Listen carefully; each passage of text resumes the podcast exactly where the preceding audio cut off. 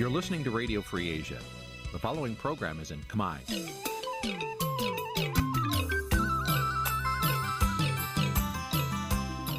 នេះជាកម្មវិធីផ្សាយ Vuthu Azizi Serai នេះជាកម្មវិធីផ្សាយរបស់ Vuthu Azizi Serai ជាភាសាខ្មែរ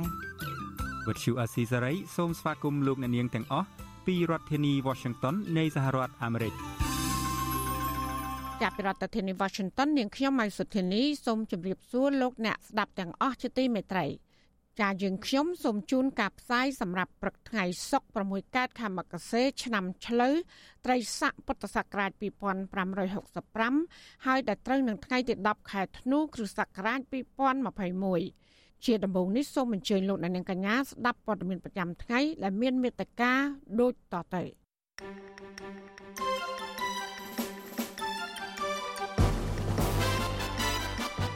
អ្នកជំនាញប្រមានថាការបន្ថែមទណ្ឌកម្មផ្នែកយោធា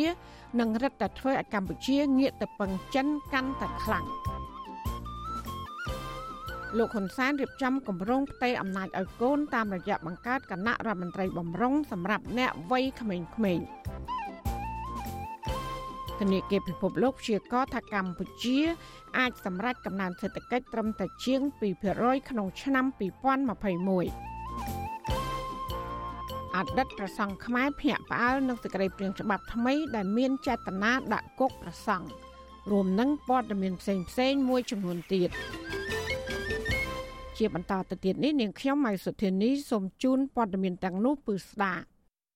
ចាលោកនាងជាទីមេត្រីអ្នកជំនាញកិច្ចការអន្តរជាតិ ព្រមានថាការបន្ថែមតនកម្មរបស់សហរដ្ឋអាមេរិករដ្ឋបិទអាវុធនិងសម្ភារៈយោធាឲ្យកម្ពុជានឹងរឹតតែធ្វើឲ្យកម្ពុជា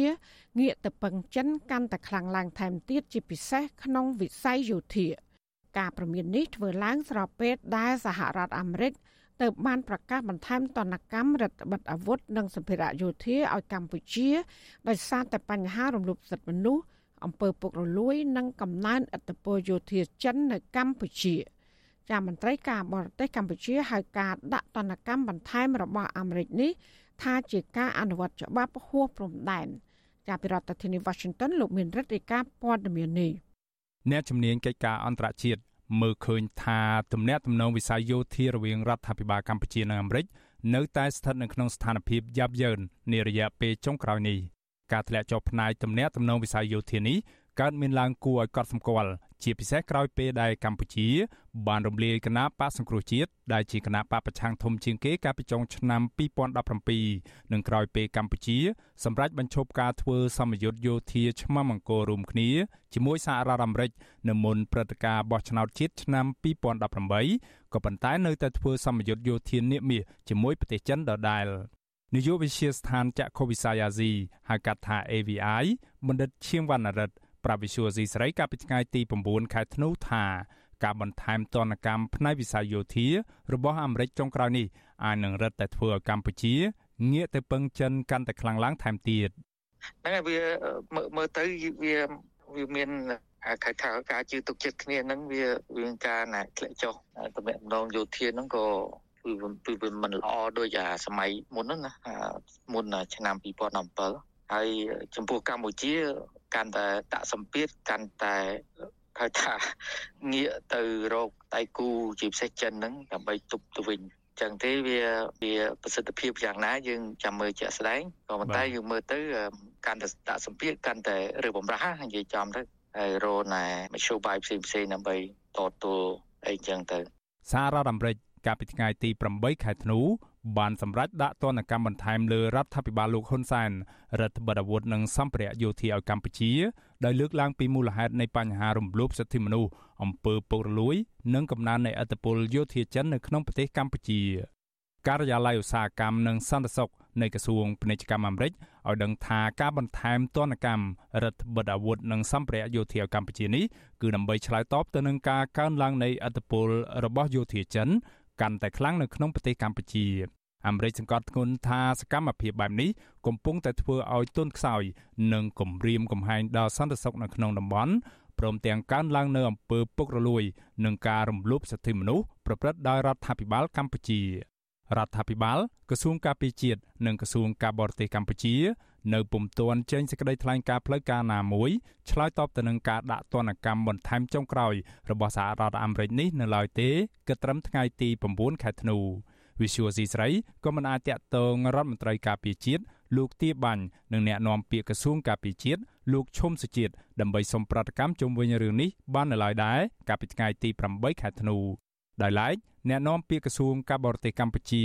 លោកកុយគួងប្រាប់វិសុវស៊ីស្រីតាមបណ្ដាញសង្គម Telegram កាលពីថ្ងៃទី9ខែធ្នូដែលហៅការបន្ថែមទណ្ឌកម្មរបស់អាមេរិករដ្ឋបិទអាវុធនិងសម្ភារៈយោធាមកឲ្យកម្ពុជានេះថាគឺជាការអនុវត្តច្បាប់ហួសព្រំដែនលោកកុយគួងថាមូលហេតុដែលសហរដ្ឋអាមេរិកលើកយកមកសម្អាងដើម្បីដាក់ទណ្ឌកម្មមកលើកម្ពុជានៅពេលនេះគឺជារឿងមិនពិតនិងមិនត្រឹមត្រូវនោះទេ លោកគូបញ្ជាក់ថាកម្ពុជាប្រកាន់ខ្ជាប់ជានិច្ចនៅគោលការណ៍ព្យាក្រឹតអចិន្ត្រៃយ៍ដែលមានអធិបតេយ្យនិងឯករាជ្យពេញលេញដោយមានចែងនៅក្នុងរដ្ឋធម្មនុញ្ញដែលជាច្បាប់កម្ពុជារបស់ប្រទេសកម្ពុជាលោកចោទសាររដ្ឋអាមេរិកថាជាអ្នកជ្រៀតជ្រែកកិច្ចការផ្ទៃក្នុងរបស់កម្ពុជាដោយសារតែអនុវត្តច្បាប់ហួសព្រំដែននិងយុត្ថាធិការរបស់ខ្លួនមកលើអិសរាជជននិងស្ថាប័នកម្ពុជាជុំវិញបញ្ហាសង្ស័យពីវត្តមានយោធារបស់ចិននៅកម្ពុជានេះ លោកកុយគួងបញ្ជាក់ជំហរសារជាថ្មីថារដ្ឋធម្មនុញ្ញកម្ពុជាមិនអនុញ្ញាតឲ្យកងទ័ពបរទេសណាមួយមកឈរជើងក្នុងទឹកដីរបស់កម្ពុជានោះឡើយកន្លងមកក្រមមេដឹកនាំកម្ពុជា តែងបដិសេធជារឿយៗថាពុំមានវត្តមានកងទ័ពបរទេសនៅក្នុងប្រទេសកម្ពុជាដោយតាមការសង្ស័យរបស់សហរដ្ឋអាមេរិកនោះទេយ៉ាងណាក៏ដោយសហរដ្ឋអាមេរិក នៅតែសង្កត់ធ្ងន់ថាទង្វើរបស់កម្ពុជានារយៈពេលចុងក្រោយនេះកំពុងតែធ្វើឲ្យទុនខ្សោយនិងគំរាមកំហែងដល់សន្តិសុខនៅក្នុងតំបន់សហរដ្ឋអាមេរិកជំរុញឲ្យកម្ពុជាចាត់វិធានការប្រកបដោយអត្ថន័យដោះស្រាយបញ្ហាអំពើពុករលួយ និងការរំលោភសិទ្ធិមនុស្សព្រមទាំងធ្វើយ៉ាងណាកាត់បន្ថយនៅឥទ្ធិពលយោធារបស់ចិននៅក្នុងប្រទេសកម្ពុជាបណ្ឌិតឈៀងវណ្ណរិទ្ធវិយតម្លៃបន្ថែមថា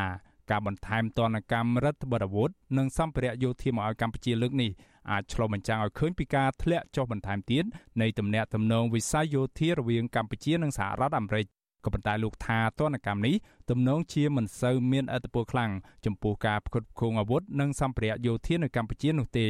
ព្រោះកម្ពុជាទិញនិងទទួលបានអាវុធនិងសម្ភារៈយោធាភាគច្រើនពីសំណាក់ប្រទេសចិននិងរុស្ស៊ីដែលលោកថាមានតម្លៃថោកជាងសម្ភារៈយោធារបស់អាមេរិកនិងក្រុមប្រទេសលោកខាងលិច យោបាយការបរទេសហើយមានតកតងនឹងវិស័យការពារជាតិនៃខ្លះហ្នឹងក៏អត់មានព័ត៌មានអីច្រើនដែរអញ្ចឹងឧទាហរណ៍ថាជំនួយអាមេរិកភាគច្រើនហ្នឹងលើកមុនផ្នែកវឹកវើដូចជាមានយកឲ្យសិក្សាហើយតកតង equipment ហ្នឹងដូចជាมันមានប្រមាណច្រើនទេតកតង equipment ហើយអាវុធកម្ពុជាហ្នឹងភាគច្រើនពីចិននិងរុស្ស៊ីយើងមើលប្រភព supplier ណាដោយសារតម្លៃផងអីផងហ្នឹងហើយភាគច្រើនរុស្ស៊ីហ្នឹងតម្លៃ ហើយបើអាវុធអាមេរិកអីហ្នឹងលោកខាងលិចហ្នឹងថ្លៃថ្លៃអញ្ចឹងវានិយាយចំវាមិនប៉ះពាល់អីប្រហែលទេតកតង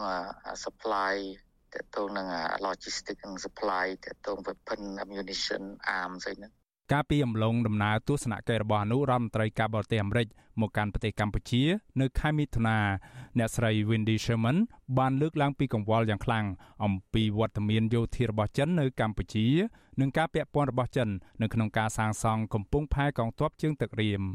អ្នកស្រីប្រមានថាការអនុញ្ញាតណាមួយឲ្យចិនប្រើប្រាស់ផ្ដាច់មុខនៅកំពង់ផែកងទ័ពជើងទឹករៀមធ្វើជាមូលដ្ឋានកងទ័ពរបស់សាធារណរដ្ឋប្រជាមានិតចិននៅកម្ពុជា និងធ្វើឲ្យប៉ះពាល់ធ្ងន់ធ្ងរដល់អធិបតេយ្យរបស់កម្ពុជាគំរាមកំហែងដល់សន្តិសុខក្នុងតំបន់និងប៉ះពាល់ជាអវិជ្ជមានដល់ទំនាក់ទំនងទ្វេភាគីរវាងសហរដ្ឋអាមេរិកនិងកម្ពុជា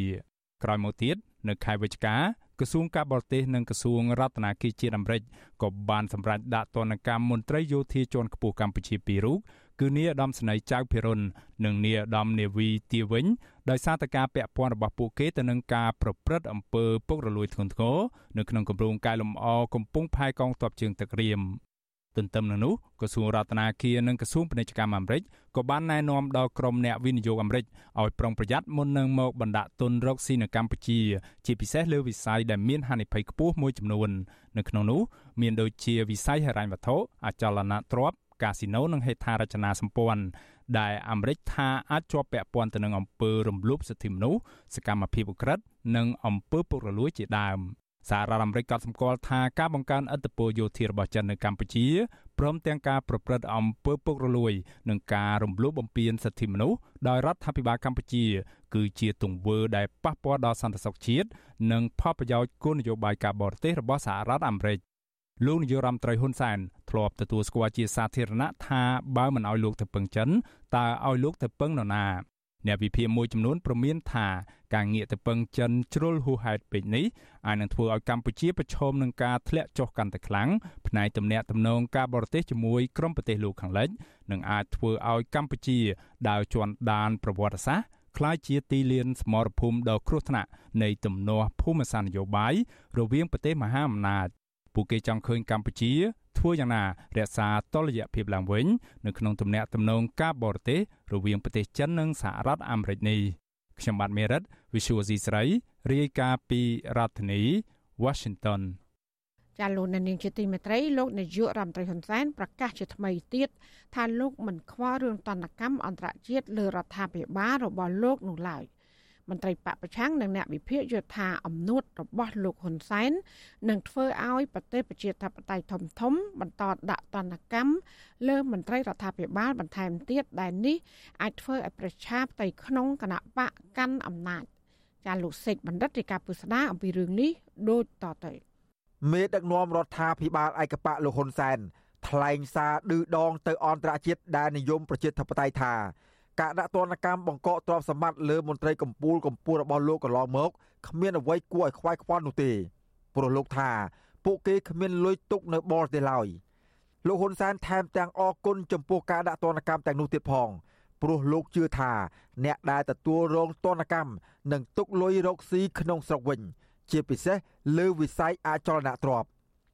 មេដឹកនាំដែលមានរហស្សនាមថាជាបរិះខ្លាំងរូបនេះក៏បានផ្កើនឲ្យសហរដ្ឋអាមេរិក ពន្លឿនចេញច្បាប់ស្ដីពីសិទ្ធិមនុស្សនិងលទ្ធិប្រជាធិបតេយ្យកម្ពុជាឲ្យបានឆាប់ឆាប់ដើម្បីដាក់ទណ្ឌកម្មលើរូបលោក និងមន្ត្រីរបស់លោកផងដែរអញ្ចឹងបានជាបរទេសខ្លះអារឿងដាក់តន្តកម្មលើខ្មែរដកទ្រព្យសម្បត្តិស្អីជនជាតិខ្មែរនៅប្រទេសរបស់ខ្លួនអញ្ចឹងដកផេះអីខ្ញុំសួរ ដកផេះអីបើពួកអស់ទាំងហ្នឹងអត់ដែលមានទ្រព្យសម្បត្តិនៅក្នុងប្រទេសនោះមកនោះទោះបីប្រកាស500ដងទៀតហើយចាំ500ជាតិក៏ពួកហ្នឹងវាអត់មានលុយរងដែរដាក់ហ្នឹងវាគ្រាន់តែជាសញ្ញានយោបាយទៅប៉ុណ្្នឹងទេទោះបីដាក់មកលើខ្ញុំដកទ្រព្យសម្បត្តិខ្ញុំតើខ្ញុំមានទ្រព្យសម្បត្តិនៅប្រទេសក្រៅទេព្រោះឃើញយកទៅបាច់ចាំនិយាយគ្នាច្រើនដែរខ្ញុំឌឺឲ្យទៀតនិយាយពាក្យឌឺអា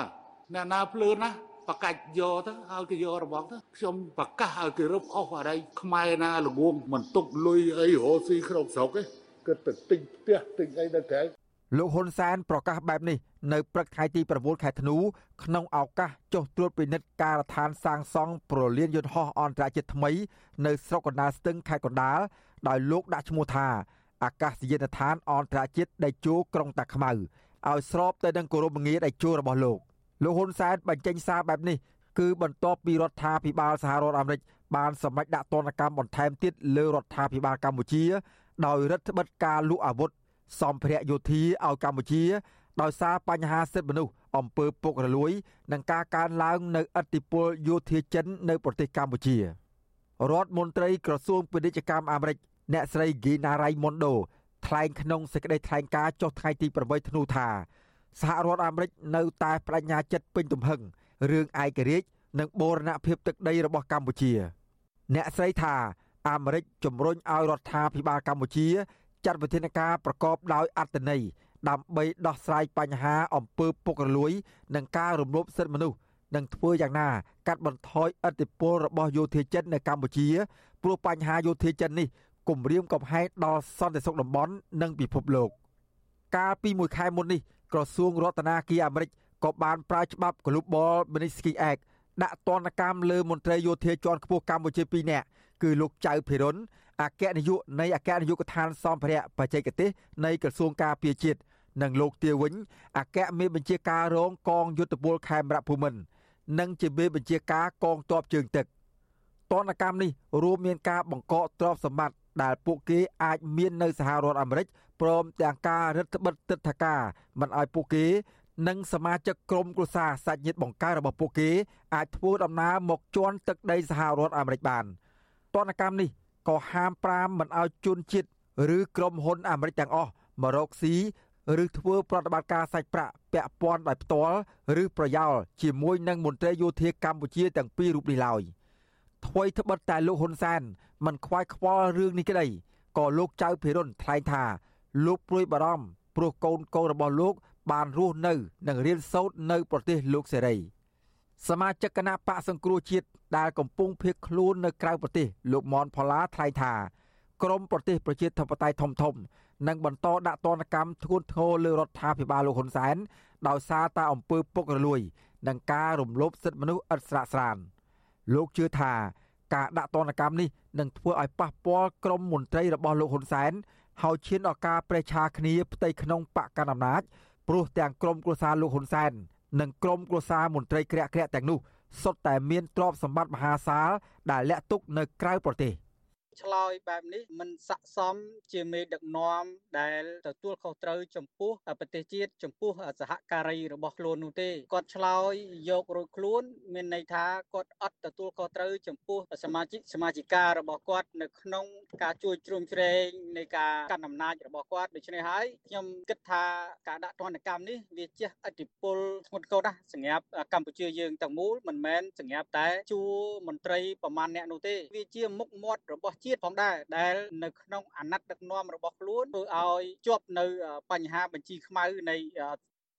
ស្រដៀងគ្នានេះដែរក្រមអ្នកតាមដានស្ថានភាពនយោបាយនិងអ្នកការពារសិទ្ធិមនុស្សជឿជាក់ថាសហរដ្ឋអាមេរិកនឹងមិនបន្ធូរដៃទេប្រសិនបើរដ្ឋាភិបាលមិនព្រមស្ដារលទ្ធិប្រជាធិបតេយ្យគោរពសិទ្ធិមនុស្សនិងមិនបញ្ឈប់នយោបាយការបរទេសលំអៀងទៅរកប្រទេសចិនទេនោះ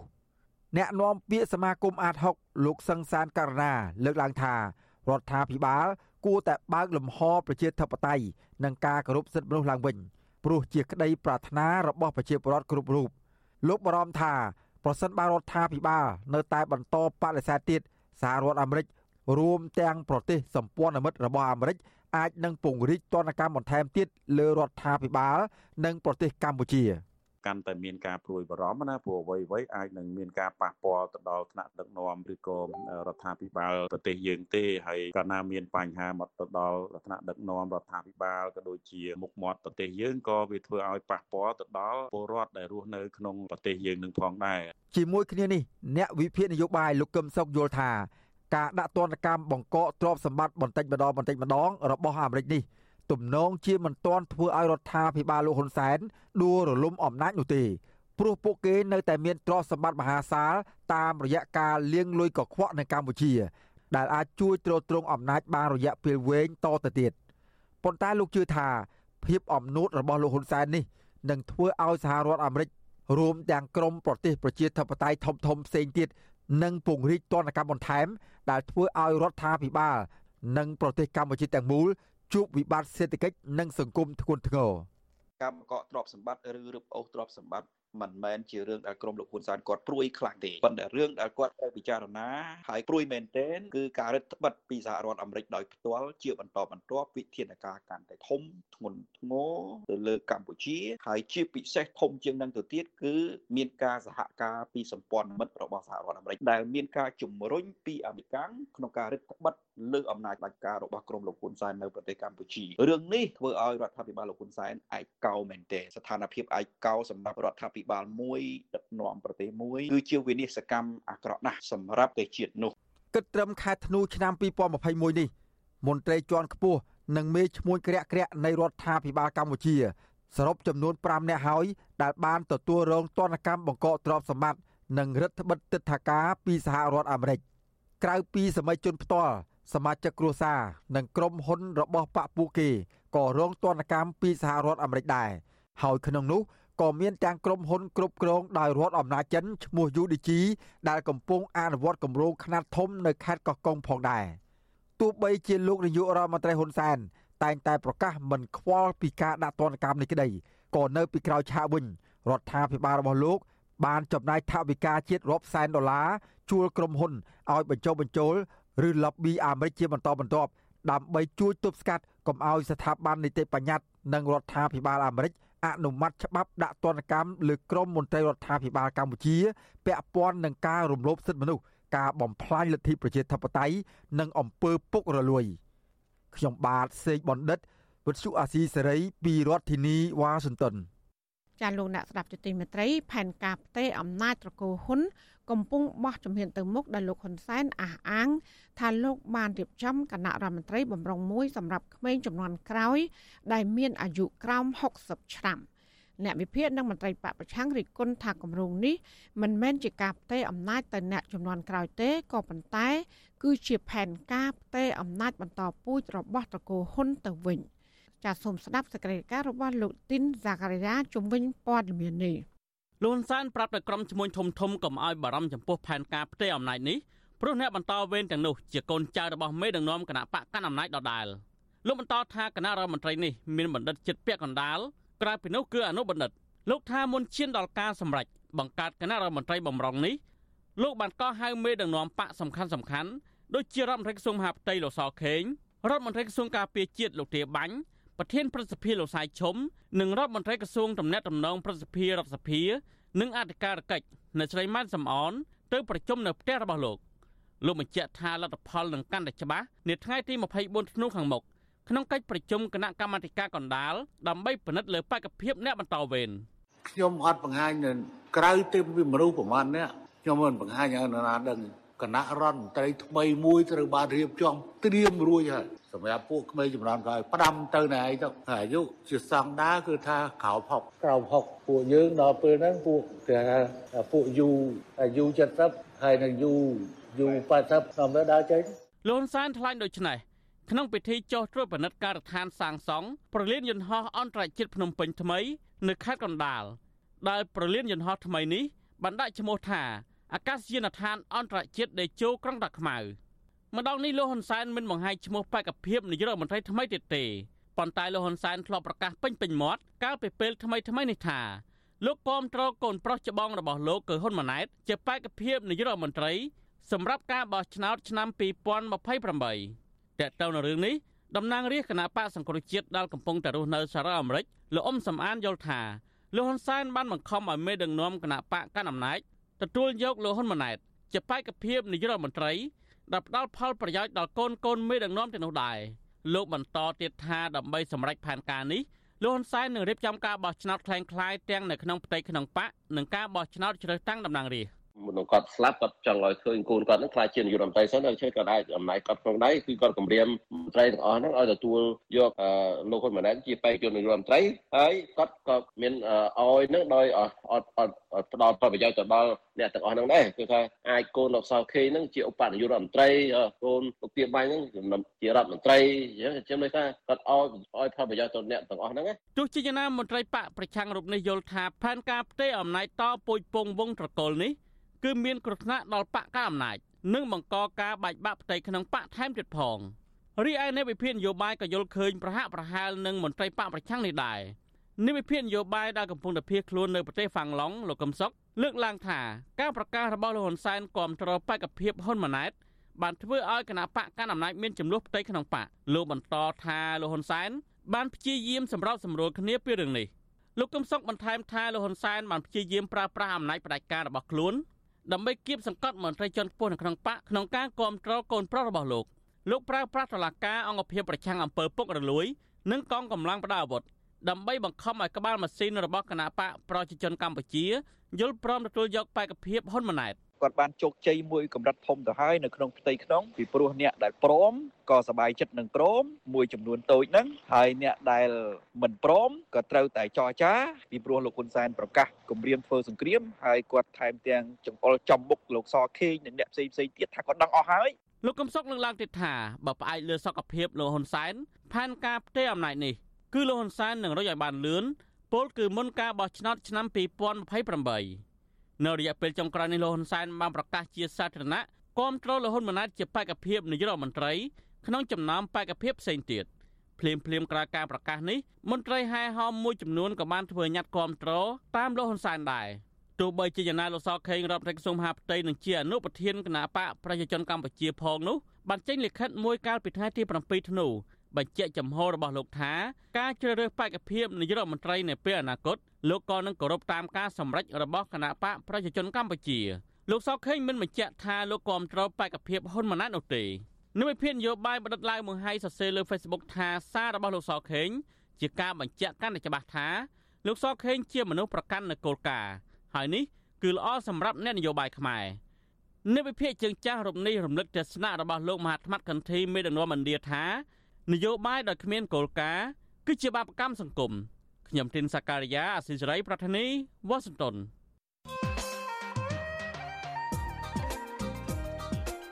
ចាលោកនាងជាទីមេត្រី អ្នកវិភាគខ្លះអះអាង ថាលោកហ៊ុនម៉ាណែតមិនមែនជាបុគ្គល ដែលមានចរិយាសម្បត្តិល្អសម្រាប់ដឹកនាំកម្ពុជា នៅពេលអនាគតនោះឡើយពួកគេលើកឡើងថាលោកហ៊ុនម៉ាណែតទោះបីជាធ្លាប់បានសិក្សានៅប្រទេសលោកសេរីក៏ដោយក៏លោកនៅតែមានចរិតដឹកនាំ ដែលតាមកន្លងរបស់ពុកតាមបែបអច្ការឬស្លឹកឈើជ្រុះមិនឆ្ងាយពីគល់ដដែលចុះសម្រាប់លោកសំរងស៊ីវិញ ដែលជាប្រធានស្ដីទីគណៈបកសង្គ្រោះជាតិនិងជាដៃគូប្រកួតប្រជែងដ៏ស្វិតស្វាញជាមួយនឹងលោកនាយករដ្ឋមន្ត្រីហ៊ុនសែនរយៈពេលជាង20ឆ្នាំមកនេះតើលោកមើលឃើញបែបណាចំពោះបេក្ខភាពនាយករដ្ឋមន្ត្រីរបស់លោកហ៊ុនម៉ាណែតនេះ។ ចាសសូមលោកអ្នកនាងកញ្ញារងចាំស្ដាប់និងទស្សនានេតិវេទិកាអាស៊ីសេរី ដែលនឹងជជែកអំពីបញ្ហានេះនៅជប់ថ្ងៃសុក្រទី10ធ្នូនេះកុំបីអខាន ចាសកម្មវិធីនេះលោកជុនច័ន្ទបុតគឺជាអ្នកសម្របសម្រួលលោកអ្នកនាងអាចសាកសួរវាគ្មិនរបស់យើងឬក៏បញ្ចេញមតិយោបល់សូមដាក់លេខទូរស័ព្ទរបស់លោកអ្នកនាង នៅក្នុងខ្ទង់ comment Facebook ឬ YouTube របស់អាស៊ីសេរីដែលកំពុងផ្សាយផ្ទាល់នៅពេលនេះ ក្រុមការងារអសីសេរីនឹងហៅទៅលោកដានាងវិញចាសសូមអរគុណចាលោកអ្នកស្ដាប់ទទីមេត្រីអតីតប្រសង់ខ្មែរដែលសកម្មក្នុងកិច្ចការសង្គមភ្នាក់ផ្អើលនឹងសេចក្តីព្រាងច្បាប់ថ្មីរបស់ក្រសួងធម្មការនិងកិច្ចការសាសនា ដែលរដ្ឋបិទសិទ្ធិភាពរបស់ប្រសង់នៅក្នុងជីវភាពនយោបាយលោកថាខ្លឹមសារច្បាប់នោះមិនត្រឹមតែមានលក្ខណៈរដ្ឋបិទប៉ុណ្ណោះទេ គឺវាផ្ទុយទៅនឹងរដ្ឋធម្មនុញ្ញទៅទៀតចាលោកមុនណារ៉េតរាយការណ៍ជំនាញព័ត៌មាននេះដូចតទៅអតីតព្រះសង្ឃខ្មែរនិងបច្ចុប្បន្ននៅតែជាសកម្មជនសកម្មនៅក្នុងកិច្ចការសង្គមថាសេចក្តីព្រៀងច្បាប់ថ្មីរបស់ក្រសួងធម្មការនិងកិច្ចការសាសនានោះមានគោលបំណងដាក់គំនាបព្រះសង្ឃដែលកំពុងតែសកម្មនៅក្នុងកិច្ចការងារសង្គមជាតិលោកកើតសារាយដែលជាសមាជិកនៃក្រុមយុវជនខ្មែរថាវរៈ នឹងត្រូវអាជ្ញាធររដ្ឋាភិបាលលោកហ៊ុនសែនចាប់ផ្សឹកទាំងបង្ខំរួចដាក់ពន្ធនាគារអស់មួយឆ្នាំទម្រាំដោះលែងវិញកាលពីដើមខែវិច្ឆិកាប្រាប់បទអាស៊ីសេរីក្រោយបានឃើញសេចក្តីព្រាងច្បាប់នោះកាលពីថ្ងៃទី9ខែធ្នូថាចំណុចដែលរដ្ឋបတ်ប្រសងខ្លាំងគឺមាននៅក្នុងមាត្រា35ដែលកំណត់ទោសទណ្ឌដាក់ពន្ធនាគារច្រើនឆ្នាំចំពោះបបបជិតឬអ្នកបួសណាដែលចូលរួមតវ៉ាប្រឆាំងអាញាធររដ្ឋឬរដ្ឋាភិបាល។ បដកម្មរបស់អតីតសកម្មជនសង្ឃរូបនេះធ្វើឡើងក្រោយសេចក្តីព្រាងច្បាប់ស្តីពីសាសនាដែលផ្ដើមព្រៀងតាំងពីឆ្នាំ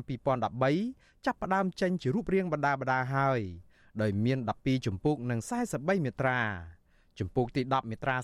35នៃសេចក្តីព្រាងច្បាប់នេះចែងថាបបប្រជិតសាសនាទាំងអស់ធ្វើសកម្មភាពចូលរួមបាតកម្មកោតកម្មកុបកម្មដើម្បីប្រឆាំងនឹងអាញាធរសាធារណៈនិងរដ្ឋាភិបាល ត្រូវផ្ដន់ទាទោសដាក់ពន្ធនាគារពី6ខែ ដល់5ឆ្នាំ ដោយមិនគិតពីទោសដទៃទៀតដែលមានចែងនៅក្នុងក្រមព្រហ្មទណ្ឌសេចក្តីព្រៀងពីមុននៃច្បាប់នេះកំណត់ទោសទណ្ឌដាក់ពន្ធនាគារពី7ដល់15ឆ្នាំឯណោះចំពោះទោសទណ្ឌដូចគ្នានេះក៏ប៉ុន្តែនៅក្នុងសេចក្តីព្រៀងមុននោះចែងសម្ដៅលើអ្នកបួសដែលធ្វើបាតកម្មប្រឆាំងគណៈបកនយោបាយក៏ជាប់ទោសធ្ងន់ធ្ងរនេះដែរ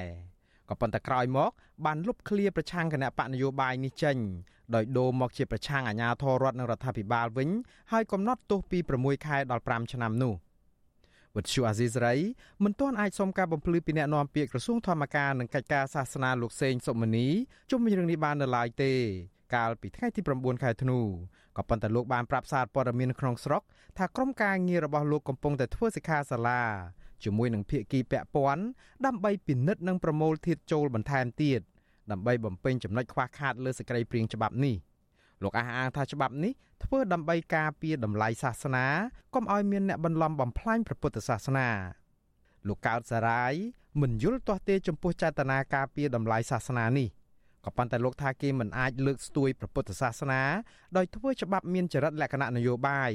ដើម្បីធ្វើទុកបុកម្នេញប្រសងបែបនេះនោះឡើយ លោកថាមានរឿងច្រើនណាស់ដែលពង្រឹងពុទ្ធសាសនាបានដោយមិនចាំបាច់ធ្វើច្បាប់ហាមលោកសង្ឃធ្វើបាតកម្មនេះទេបើចង់ពង្រឹងពុទ្ធសាសនាគួរតែពង្រឹងទៅលើការរៀបចំធនធានប្រសង់ដូចជាប្រសង់ដែលសម្ដែងធម៌ទេសនាប្រសង់ខ្លះបួសបានមួយអាទិត្យបួសបានកន្លះខែអាចសម្ដែងធម៌ដូចកន្លងមកអ្នកក៏ផ្លែកបួសតែមួយថ្ងៃអាចសម្ដែងធម៌អីជាប្រងព្រាតអីអាហ្នឹងយើងពង្រឹងអាច្បាប់ហ្នឹងខ្ញុំគិតថាវាជួយដល់ ពុទ្ធសាសនាច្រើនជាងនោះទី1ទី2គឺឲ្យតម្លៃលើប្រព័ន្ធអប់រំនៅក្នុងពុទ្ធសាសនា ជាពិសេសសងរៀនរៀននោះគឺធ្វើលើប្រទេសថៃទៅសងដែលរៀនរៀនមិនមែនពេលទៅប្រឡងពេលអីត្រូវជិះឡានហុយដីទៅនំរត់ទៅលួយជិះឡានទៅរៀនមិនចង់បានអាទាំងអស់ហ្នឹងដែលរដ្ឋត្រូវយកចិត្តទុកដាក់ឲ្យវាជំរុញដល់វិស័យព្រះពុទ្ធសាសនាវាធ្វើឲ្យកម្រិតនៃការអប់រំទាំងធនធាន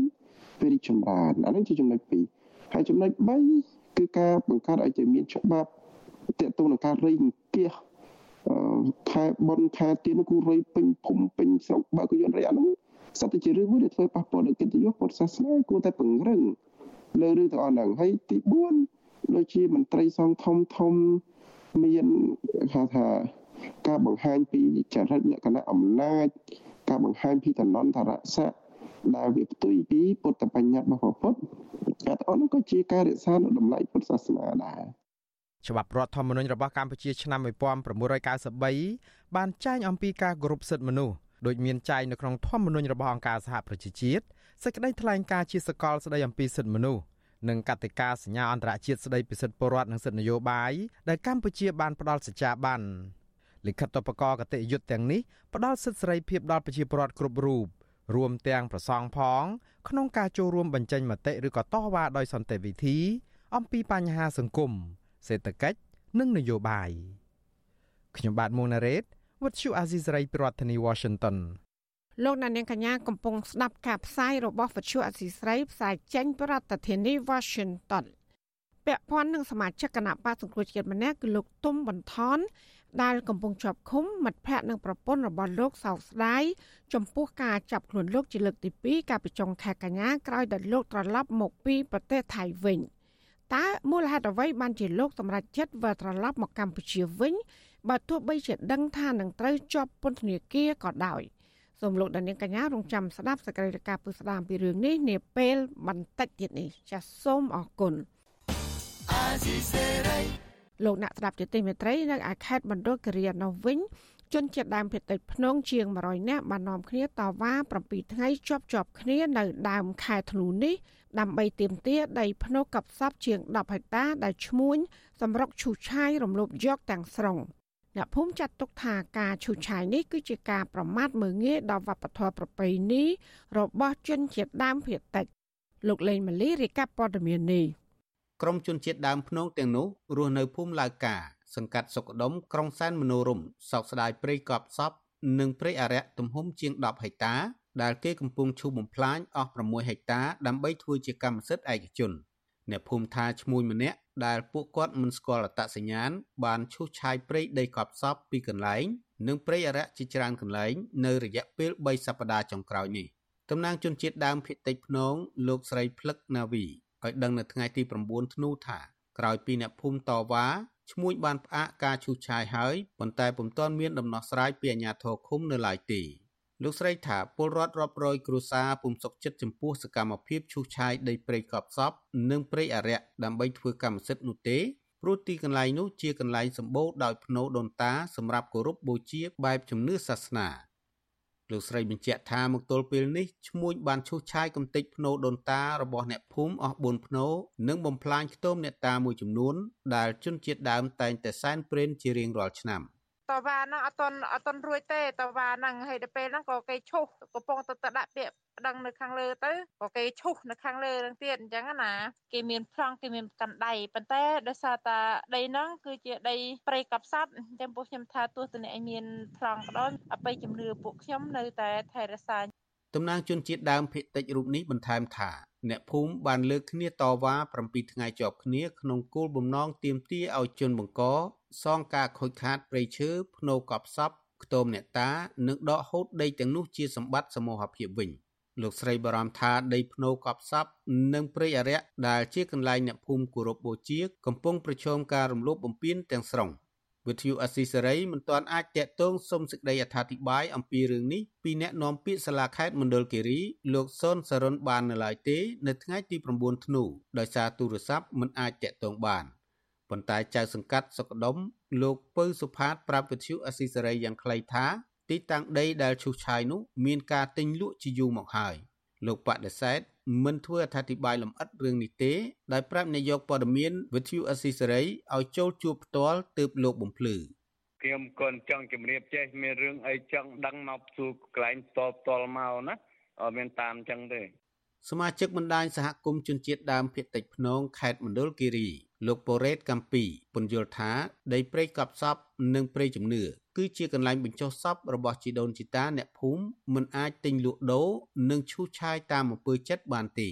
លោកចាត់ទុកសកម្មភាពឈូសឆាយនេះថាជាការប្រមាថមើលងាយដល់វិញ្ញាណក្ខន្ធរបស់ដូនតាជនជាតិដើមភាគតិចភ្នងដែលមានទម្លាប់បញ្ចុះសពនៅតំបន់នោះជាយូរលង់មកហើយ ខ្ញុំគិតថាអ្នកដែលធ្វើហ្នឹងគឺប្រមាថដល់ប្រពៃណីនិងវិញ្ញាណក្ខន្ធឬក៏ប្រលឹងរបស់ដូនតាជនជាតិដើមភាគតិចយ៉ាងធ្ងន់ធ្ងរអ្នកដែលធ្វើប្លង់ហ្នឹងគឺរំលោភបំពានទៅលើវប្បធម៌ប្រពៃណីរបស់សហគមន៍ជនជាតិដើមភាគតិចរំលោភទៅលើច្បាប់ជាតិជុំវិញរឿងនេះមន្ត្រីពង្រឹងសិទ្ធិអំណាចសហគមន៍មូលដ្ឋាន នៃសមាគមអាត់ហុកលោកប៉ែនប៊ុនណាពន្យល់ថាដីព្រៃកប់សពនិងព្រៃជំនឿគឺជាទ្រព្យសម្បត្តិសាធារណៈរបស់រដ្ឋប្រសិនបើមានជនណាឈូសឆាយ ដើម្បីរំលោភយកជាកម្មសិទ្ធិគឺជាទង្វើល្មើសច្បាប់លោកថាមេភូមិនិងមេឃុំត្រូវមានទោសប្រសិនបើមានជាប់ពាក់ព័ន្ធចុះហត្ថលេខាធ្វើពាក្យស្នើសុំកាន់កាប់ដីធ្លីនៅតំបន់នោះហើយបើយើងកំណត់និយមនៃទ្រព្យសម្បត្តិសាធារណៈបរិវត្តគឺมันអាចលក់ដូរជួលបានទេបានត្រឹមតែអាស្រ័យផលហើយអាស្រ័យផលធ្វើយ៉ាងម៉េចកុំឲ្យខូចទ្រង់ទ្រាយទ្រព្យសម្បត្តិនឹងទៀតបាទអញ្ចឹងប្រសាសន៍របស់លោកមេឃុំហ្នឹងគឺផ្ទុយពីច្បាប់ហើយបាទមានន័យថាទិញយូរហើយ មន្ត្រីសង្គមស៊ីវិលរូបនេះជំរុញអាជ្ញាធរខេត្តមណ្ឌលគិរីថាត្រូវរូតរះដោះស្រាយបញ្ហានេះជូនពលរដ្ឋដោយយុត្តិធម៌ស្របតាមការបដិញ្ញាចិត្តរបស់រដ្ឋាភិបាលក្នុងការដោះស្រាយចំនួនដីធ្លីច្បាប់ភូមិបាលចែងថាទ្រព្យសម្បត្តិសាធារណៈរបស់រដ្ឋមិនអាចលក់ដូរនិងមិនអាចកំណត់អាយុកាលបានទេគ្មានការលក់ណាមួយអាចត្រូវបានសម្រេចដោយគ្មានអនុក្រឹត្យនោះឡើយជនណារំលោភបំពានទ្រព្យសម្បត្តិសាធារណៈរបស់រដ្ឋ ត្រូវមានទោសពី1ឆ្នាំទៅ5ឆ្នាំខ្ញុំបាទលេងម៉ាលីវិទ្យុអស៊ីសេរីរាយការណ៍ពីរដ្ឋធានី Washington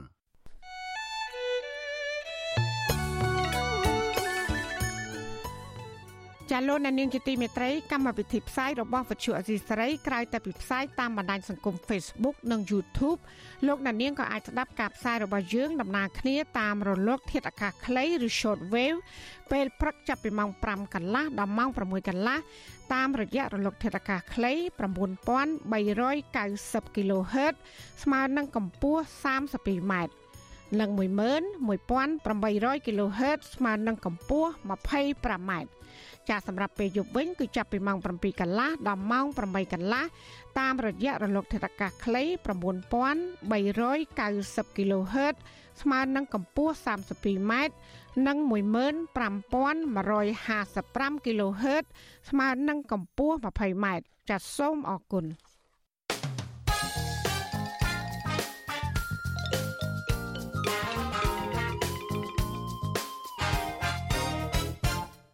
លោកនានីជាទីមេត្រីធនាគារពិភពលោកព្យាករថាកម្ពុជាអាចសម្រេចកំណើនសេដ្ឋកិច្ចត្រឹមតែជាង2%ប៉ុណ្ណោះនៅក្នុងឆ្នាំ2021នេះនិងជាង4%ក្នុងឆ្នាំ2022ខាងមុខទន្ទឹមនឹងការព្យាករណ៍នេះធនាគារពិភពលោកក៏បានប្រមានជាថ្មីថាការឆ្លងរាលដាលសារជាថ្មីណាមួយនៃវីរុស COVID-19 អាចនឹងធ្វើឲ្យការងើបឡើងវិញនៃសេដ្ឋកិច្ចកម្ពុជាត្រូវប្រឈមនឹងហានិភ័យ។ ការព្យាករណ៍របស់ធនាគារពិភពលោកនេះធ្វើឡើងក្នុងរបាយការណ៍បច្ចុប្បន្នភាពចុងក្រោយមួយនៃស្ថានភាពសេដ្ឋកិច្ចរបស់កម្ពុជា ដោយដាក់ចំណងជើងថារស់នៅជាមួយ COVID-19 ចាបតាមធនាគារពិភពលោកកម្ពុជា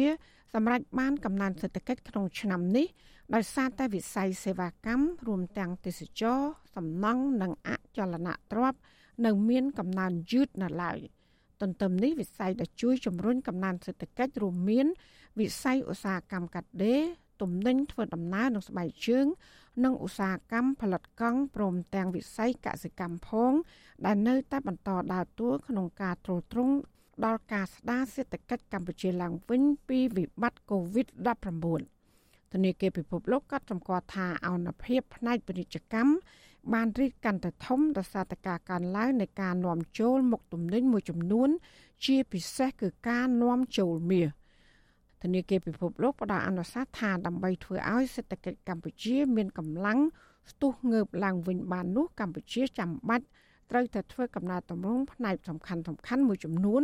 ក្នុងនោះមានដូចជាវិធានការស្តីពីការរៀនរស់ជាមួយ COVID-19 ស្របតាមកន្លងប្រកដីភាពថ្មី វិធានការផ្នែកសារពើភ័ណ្ឌនិងវិធានការសម្រាប់អនុវត្តច្បាប់វិនិយោគថ្មីធនាគារពិភពលោកជំរុញឲ្យកម្ពុជាបន្តការតាមដានពិនិត្យមើលលើគុណភាពធនធាននិងការបង្កើនភាពទុកចិត្តលើប្រព័ន្ធធនាគារឲ្យបានកាន់តែប្រសើរឡើងថែមទៀតចារដ្ឋាភិបាលកម្ពុជាទទួលស្គាល់ថាចំនួនពលរដ្ឋរស់នៅក្រោមបន្ទាត់ក្រីក្របានកើនឡើង រហូតដល់ទៅជិត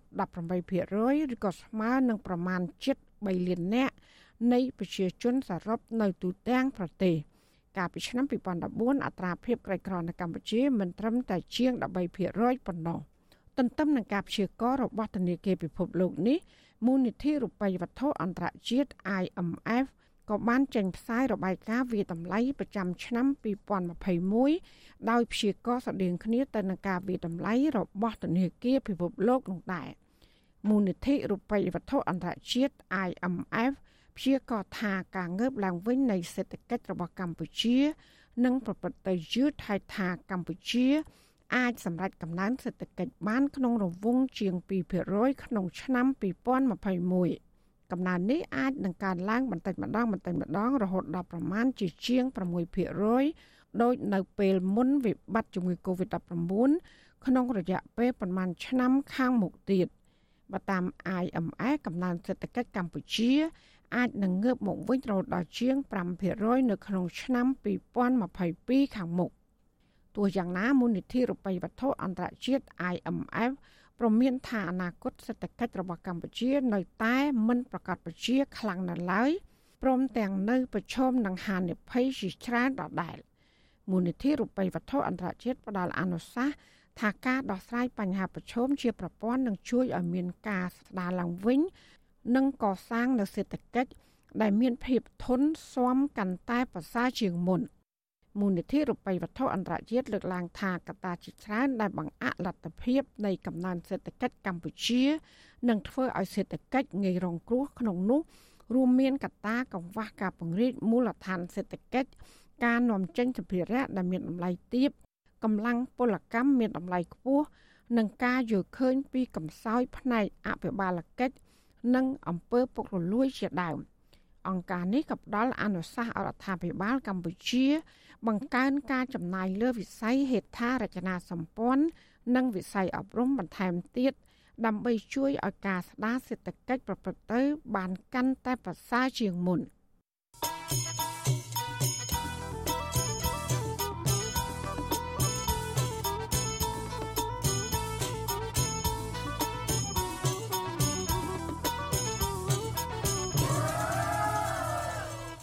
ចាលោកនានីជាទីមេត្រីសហគមន៍អ្នកស្រឡាញ់ភេទដូចគ្នាទទូចជាថ្មីទៀតដល់រដ្ឋាភិបាលទទួលស្គាល់និងផ្ដល់កិច្ចការពីផ្លូវច្បាប់ ចំពោះអពាហ៍ពិពាហ៍ឬក៏ការរៀបការរបស់អ្នកស្រឡាញ់ភេទដូចគ្នា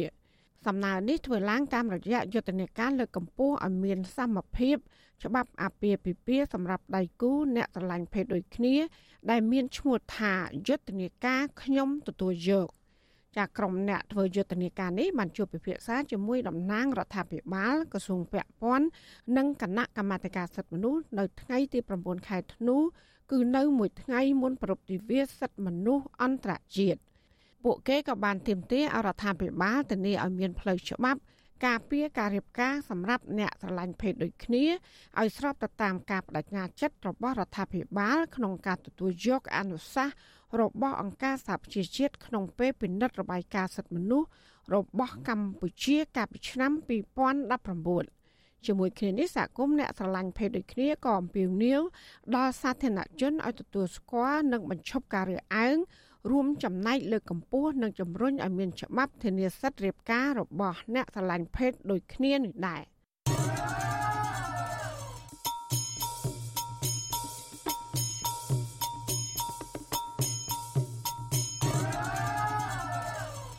លោកនាយកទីមេត្រីរដ្ឋាភិបាលអាមេរិកផ្ដល់ជំនួយបន្ថែមជាទឹកប្រាក់790,000ដុល្លារជាដំណាក់កាលទី3គឺសម្រាប់គម្រោងអភិរក្សប្រាសាទព្រះវិហារ សេចក្តីប្រកាសព័ត៌មានរបស់ស្ថានទូតអាមេរិកប្រចាំកម្ពុជាឲ្យដឹងថាឯកអគ្គរដ្ឋទូតអាមេរិកលោក Patrick Murphy និងរដ្ឋមន្ត្រីក្រសួងវប្បធម៌និងវិចិត្រសិល្បៈអ្នកស្រីភឿងសកលណាបានចុះហត្ថលេខាលើកិច្ចព្រមព្រៀងនេះនៅឯប្រាសាទព្រះវិហារកាលពីព្រឹកថ្ងៃទី8ខែធ្នូស្ថានទូតសហរដ្ឋអាមេរិកបានដឹងថាជំនួយលើកទី3ដែលមានទឹកប្រាក់790,000ដុល្លារនេះ គឺសម្រាប់គម្រោងអភិរក្សនិងជួសជុលចណ្ដើបរានខាងជើងនៃប្រាសាទព្រះវិហារដែលបានសាងសង់កាលពីសតវត្សទី11និងជួសជុលចម្លាក់តោចំនួន2ចំណែកគម្រោងលើកទី1និងទី2សម្រាប់ការជួសជុលនៅប្រាសាទព្រះវិហារចាប់ពីឆ្នាំ2018មកដល់ឆ្នាំ2021នេះគឺបានបញ្ចប់ជាស្ថាពរហើយក្នុងទឹកប្រាក់ចំនួន32,000ដុល្លារ កម្មវិធីមូលនិធិឯកអគ្គរដ្ឋទូតសម្រាប់ការអភិវឌ្ឍវប្បធម៌ត្រូវបានបង្កើតឡើងដើម្បីជួយអភិរក្សការពារនៅបេតិកភណ្ឌវប្បធម៌សំខាន់សំខាន់នៅជុំវិញពិភពលោក បន្ថែមពីការងារនៅប្រាសាទព្រះវិហារនេះក្រោមជំនួយកម្មវិធីនេះនិងមូលនិធិផ្សេងផ្សេងទៀតរដ្ឋាភិបាលអាមេរិកបានផ្ដល់ជំនួយដល់កម្ពុជាជាង5លានដុល្លារអាមេរិកតាំងពីឆ្នាំ2001មកដើម្បីជួយដល់ការអភិរក្ស នៅទីតាំងបេតិកភណ្ឌសំខាន់សំខាន់ផ្សេងទៀតនិងសម្ភារៈឯកសារប្រវត្តិសាស្ត្រក្នុងនោះ រួមមានការអភិរក្សនៅប្រាសាទភ្នំបាខែងប្រាសាទមន្ទីរស្រីសារមន្ទីរជាតិសារមន្ទីរបល័យពុជសាសទួលស្លែង និងសារមន្ទីរអង្គរបូរី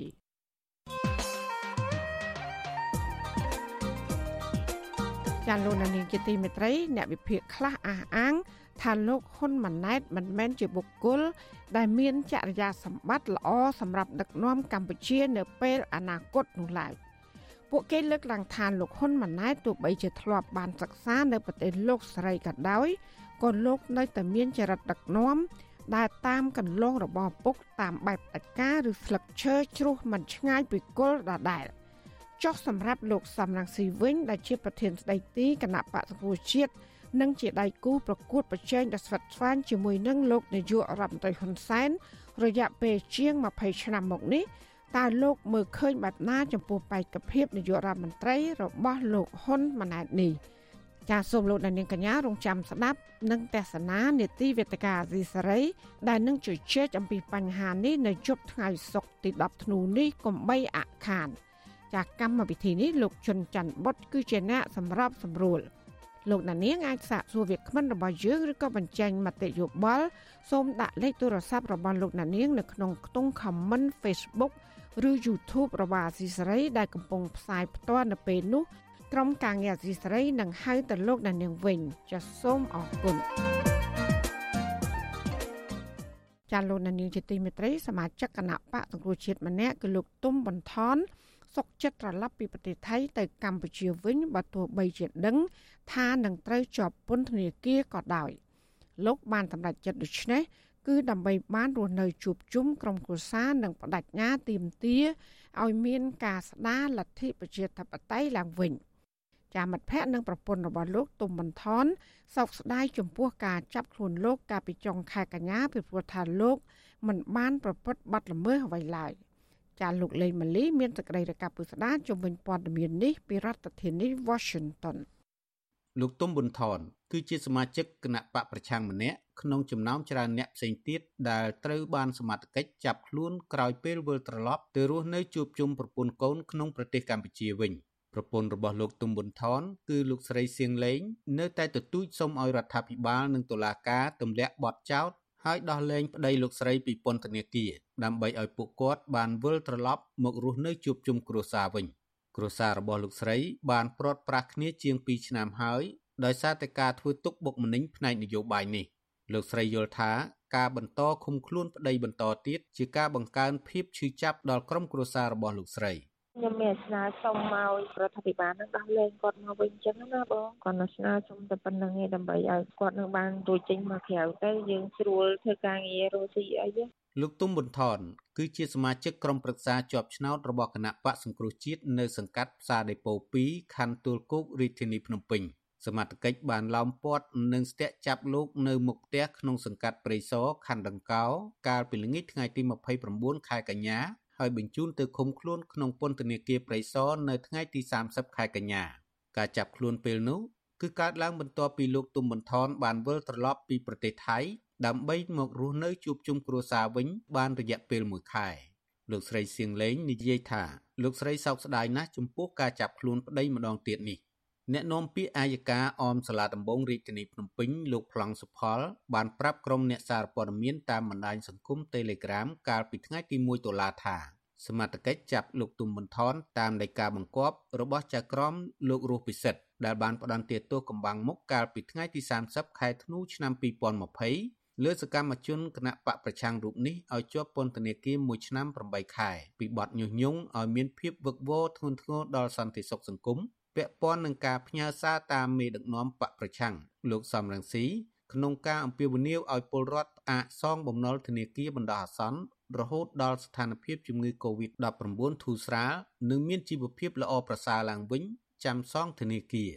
ក្នុងសំណុំរឿងនេះលោករស់ពិសិដ្ឋក៏បានចេញសាលក្រមផ្ដន្ទាទោសកម្បាំងមុខលោកសំរងស៊ីឲ្យជាប់ពន្ធនាគារ2ឆ្នាំ និងព្រះដេចគុណបុត្របន្ទិញជាប់ពន្ធនាគារ1ឆ្នាំ8ខែដោយលោកទុំបន្ថនដែរ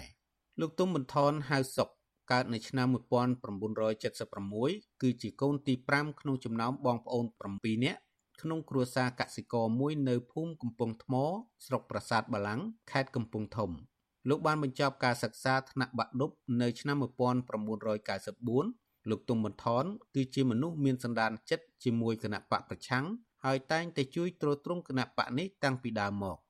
លោកបានឈរឈ្មោះជាតំណាងរបស់គណៈបកសង្គ្រោះជាតិក្នុងការបោះឆ្នោតក្រុមប្រឹក្សាឃុំសង្កាត់អាណត្តិទី4កាលពីខែមិថុនាឆ្នាំ2017និងជាប់ជាសមាជិកក្រុមប្រឹក្សាសង្កាត់ផ្សារដេប៉ូ2នៅក្រៅពេលតុលាការកំពូលរំលាយគណៈបកប្រឆាំងនៅចុងឆ្នាំ2017លោកទុំមន្ថនមិនបានចុះចូលជាមួយគណៈបកកណ្ដាលអំណាចតាមការអំពាវនាវរបស់លោកនាយករដ្ឋមន្ត្រីហ៊ុនសែនទេហើយលោកបានបដូរមកប្រកបរបររកស៊ីធម្មតាវិញ។ លោកបានរៀបការនៅឆ្នាំ2018និងមានកូនប្រុសម្នាក់ដែលបច្ចុប្បន្នអាយុ3ឆ្នាំ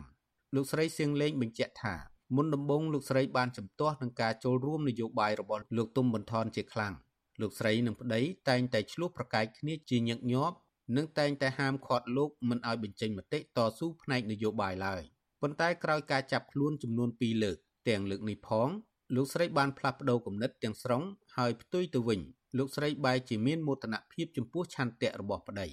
ខ្ញុំគិតថាបើគាត់មិនធ្វើបានអ្នកណាគេធ្វើបើចំនួនក្រោយអត់មានទៀតចឹងបងបើគាត់មិនធ្វើមិនចំនួនក្រោយមិនយកគំរូតាមគាត់មិនហ៊ានចឹង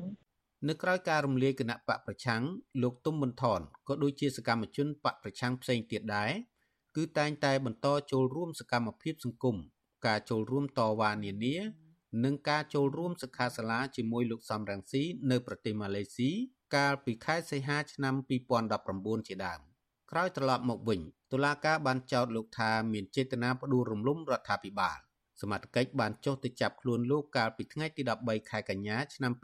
2019ក្នុងពេលដែលលោកទៅទិញលក់អចលនទ្រព្យមួយកន្លែងក្នុងខេត្តសៀមរាបហើយបញ្ជូនទៅសាលាដំបងរាជធានីភ្នំពេញហើយចៅក្រមសម្រេចឃុំខ្លួនបណ្ដោះអាសន្នក្នុងពន្ធនាគារព្រៃសរម1ដោយចោទពីបទរួមគំនិតក្បត់ និងញុះញង់ឲ្យមានភាពវឹកវរធ្ងន់ធ្ងរដល់សន្តិសុខសង្គម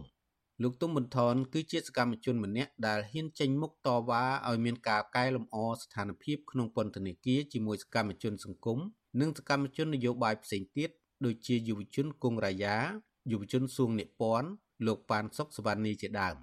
សកម្មជននយោបាយធ្លាប់ជាប់ពន្ធនាគារជាមួយលោកទុំបន្ថនគឺលោកម៉ៃហុងស្រៀងនិយាយថា លោកទុំប៊ុនថនមានភាពអង់អាចមិនចុះញោមឬចាញ់ការសម្លុតគំរាមឡើយលោកទុំប៊ុនថនតែងតែជួយយកអាសាអ្នកជាប់ឃុំជាមួយគ្នាខ្ញុំរាប់អានគាត់ខ្លាំងណាស់ដោយសារឆន្ទៈដូចគ្នាហើយគោលដៅដូចគ្នាអត់ចេះក្បត់គ្នាទេទុំថនគឺមិនមានការក្បត់មិត្តភ័ក្តិក្បត់បងប្អូនទេបន្ទាប់មកនៅខែវិច្ឆិកាឆ្នាំ2019ក្រោយពេលរដ្ឋាភិបាលប្រកាសបញ្ចប់យុទ្ធនាការទប់ស្កាត់ព្រឹត្តិការណ៍9វិច្ឆិកា លោកទុំប៊ុនថនត្រូវបានតុលាការដោះលែងតាមបញ្ជារបស់លោកនាយករដ្ឋមន្ត្រីហ៊ុនសែនដោយអ្នកជាប់ឃុំនយោបាយផ្សេងទៀតដែរប៉ុន្តែលោកនៅតែសកម្មក្នុងការចូលរួមសកម្មភាពសង្គមដដែលលោកតែងតែទៅទទួលនិងលើកទឹកចិត្តដល់អ្នកជាប់ឃុំផ្សេងទៀតដែលត្រូវបានដោះលែងប៉ុន្តែការនៅក្រៅឃុំមិនយូរប៉ុន្មានតុលាការក្រុងភ្នំពេញចោទប្រកាន់លោកម្ដងទៀតពីបទញុះញង់តាមរយៈការបង្ហោះសារតាម Facebook ឲ្យពលរដ្ឋផ្អាកសងបំណុលធនាគារមួយរយៈ ក្នុងអំឡុងដើមឆ្នាំ2020លោកទុំប៊ុនថនបានភៀសខ្លួនទៅប្រទេសថៃមួយរយៈទោះជាទៅដល់ប្រទេសថៃហើយក៏ដោយក៏លោកតែងតែបន្តចូលរួមបញ្ចេញមតិដើម្បីទាមទារឲ្យមានការស្ដារលទ្ធិប្រជាធិបតេយ្យដោះលែងអ្នកនយោបាយសកម្មជនសង្គមនិងលើកកម្ពស់សិទ្ធិមនុស្សមិត្តភ័ក្តិរបស់លោកទុំប៊ុនថននិងជាអ្នកចម្រៀងជាមួយគ្នាកាលនៅប្រទេសថៃគឺលេខាធិការគណៈកម្មាធិការប្រតិបត្តិគណៈបកសង្គ្រោះជាតិស្រុកក្រគរ ខេត្តពោធិ៍សាត់លោកខិនសមនឲ្យដឹងថាលោកទុំប៊ុនថនបានចូលរួមស្ដារលទ្ធិប្រជាធិបតេយ្យតាមរយៈជំនាញរបស់លោកគឺការតែងនិពន្ធនិងច្រៀងឲ្យផលិតកម្មព្រះអាទិត្យរះនិងផលិតកម្មខ្មែរអមតៈរបស់គណៈបកប្រឆាំងលោកមិនដឹងពីមូលហេតុដែលលោកទុំប៊ុនថនត្រឡប់ទៅកម្ពុជាវិញទេ តែលោកទាមទារឲ្យតុលាការដោះលែងសកម្មជនគណៈបកប្រឆាំងរូបនេះឲ្យមានសេរីភាពវិញ ប្រឆាំងនឹងរដ្ឋនៅផ្ដាច់ការលួងជាតិច្បាប់ព្រៃឆ្នៃចោតឧបគៀតអុកត្រឹកជាអាតទាំងគ្មានកំហុសជន់ពីលកំណាចកាចសាហាវពោះចាប់ផ្ដន់ទៀតទងឃុំក្នុងព្រៃសរ សម្រាប់សង្គមស៊ីវិលវិញក៏ចង់ឃើញតុលាការដោះលែងលោកទុំប៊ុនថនឲ្យបានទៅរស់នៅជួបជុំគ្រួសារវិញដែរព្រោះការចាប់ខ្លួននេះគឺជាករណីនយោបាយនាយករងទទួលបន្ទុកផ្នែកឃ្លាំមើលសិទ្ធិមនុស្សនៃអង្គការលីកាដូលោកអំសំអាតយល់ថា ការចាប់ខ្លួនលោកទុំប៊ុនថនជាលើកទី2បានបណ្ដាលឲ្យសកម្មជនផ្សេងទៀតមានការភ័យខ្លាចនិងព្រួយបារម្ភមិនហ៊ានវិលត្រឡប់មកកម្ពុជាវិញអ្នកឃ្លាំមើលសិទ្ធិមនុស្សរូបនេះជំរុញឲ្យតុលាការដោះលែងលោកទុំប៊ុនថន ឲ្យមានឱកាសបានទៅជួបជុំគ្រួសារនិងមើលថែកូនតូចក្នុងបន្ទុកឡើងវិញតឡាការគួរតែពិចារណាផងដែរតើតើនឹងការនៅក្រៅឃុំរបស់លោកណាដើម្បីជួយជ្រោមជ្រែងនិងថែទាំនៅជីវភាពគ្រួសាររបស់គាត់ណាចំណែកប្រពន្ធលោកទុំប៊ុនថនគឺលោកស្រីសៀងលេងថ្លែងថា គ្រួសារនឹងមិនចងកំហឹងឬក៏គុំគួនជាមួយរដ្ឋាភិបាលទេ គឺធ្វើយ៉ាងណាឲ្យតែរដ្ឋាភិបាលនិងតុលាការព្រមដោះលែងប្តីរបស់លោកស្រីឲ្យបានមករស់នៅជួបជុំគ្នាវិញខ្ញុំបាទលេងម៉ាលីវិទ្យុអាស៊ីសេរីរាយការណ៍ពីរដ្ឋធានី Washington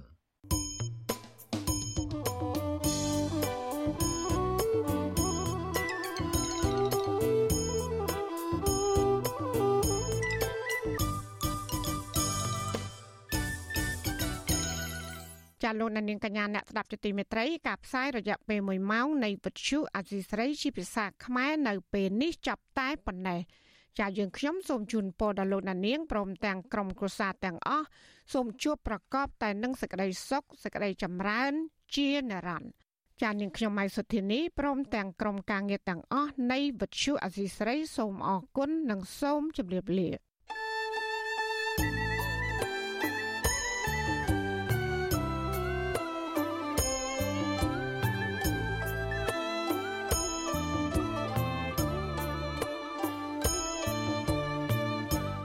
វិទ្យុអេស៊ីសេរីផ្សាយតាមរលក ធាតុអាកាសខ្លីឬ short wave តាមកម្រិតនិងកម្ពស់ដូចតទៅនេះពេលព្រឹកចាប់ពីម៉ោង5កន្លះដល់ម៉ោង6កន្លះតាមរយៈរលកធាតុអាកាសខ្លី9390 kHz ស្មើនឹងកម្ពស់ 32m និង11850 kHz ស្មើនឹងកម្ពស់ 25m ពេលយប់ចាប់ពីម៉ោង7កន្លះដល់ម៉ោង8កន្លះតាមរយៈរលកធាតុអាកាសខ្លី 9390 kHz ស្មើនឹងកម្ពស់ 32m និង15155 kHz ស្មើនឹងកម្ពស់ 20m លោកអ្នកនាងក៏អាចស្ដាប់ការផ្សាយផ្ទាល់តាមប្រព័ន្ធអ៊ីនធឺណិតដោយចូលទៅកាន់គេហទំព័រ www.rfa.org/ ខ្មែរក្រៅពីនេះលោកអ្នកនាងក៏អាចអាននិងទស្សនាព័ត៌មានវិទ្យុអេស៊ីសេរីលើទូរស័ព្ទដៃរបស់លោកអ្នកផ្ទាល់ សូមលោកអ្នកនាងចូលទៅកាន់បណ្ដាញសង្គម Facebook ដែលមានអាសយដ្ឋាន www.facebook.com/rfa.cambodia និង YouTube www.youtube.com/rfa ខ្មែរ video សូមលោកអ្នកនាងចុច like និងចុច subscribe ដើម្បីទទួលបានព័ត៌មានថ្មីៗទាន់ហេតុការណ៍និងទស្សនាវីដេអូផ្សេងៗទៀតបានគ្រប់ពេលវេលា។